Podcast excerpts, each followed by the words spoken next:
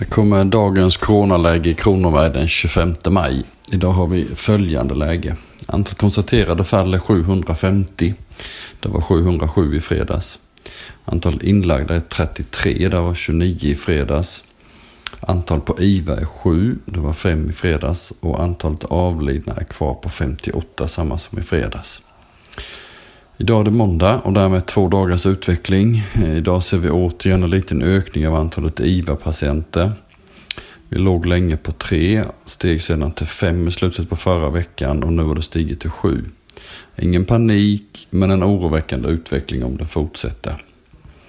Antalet inneliggande är fortfarande ganska stabilt, om än en viss ökning de sista dagarna. Vi fortsätter vår diskussion kring provtagningar. Det är fortfarande mycket som är oklart kring vem som ska göra vad. Provtagning i stora grupper kräver mycket resurser och mycket personal. I detta läget krävs nationella riktlinjer i första hand. Idag har vi haft presskonferens kring sms livräddare. Från och med nästa måndag den 2 juni är denna tjänsten igång i Kronoberg. Så nu är det viktigt att alla som har HLR-kunskaper laddar ner appen och registrerar sig.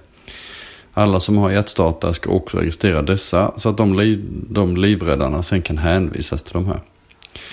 Vill du veta mer finns information på regionens webbplats eller på smslivräddare.se.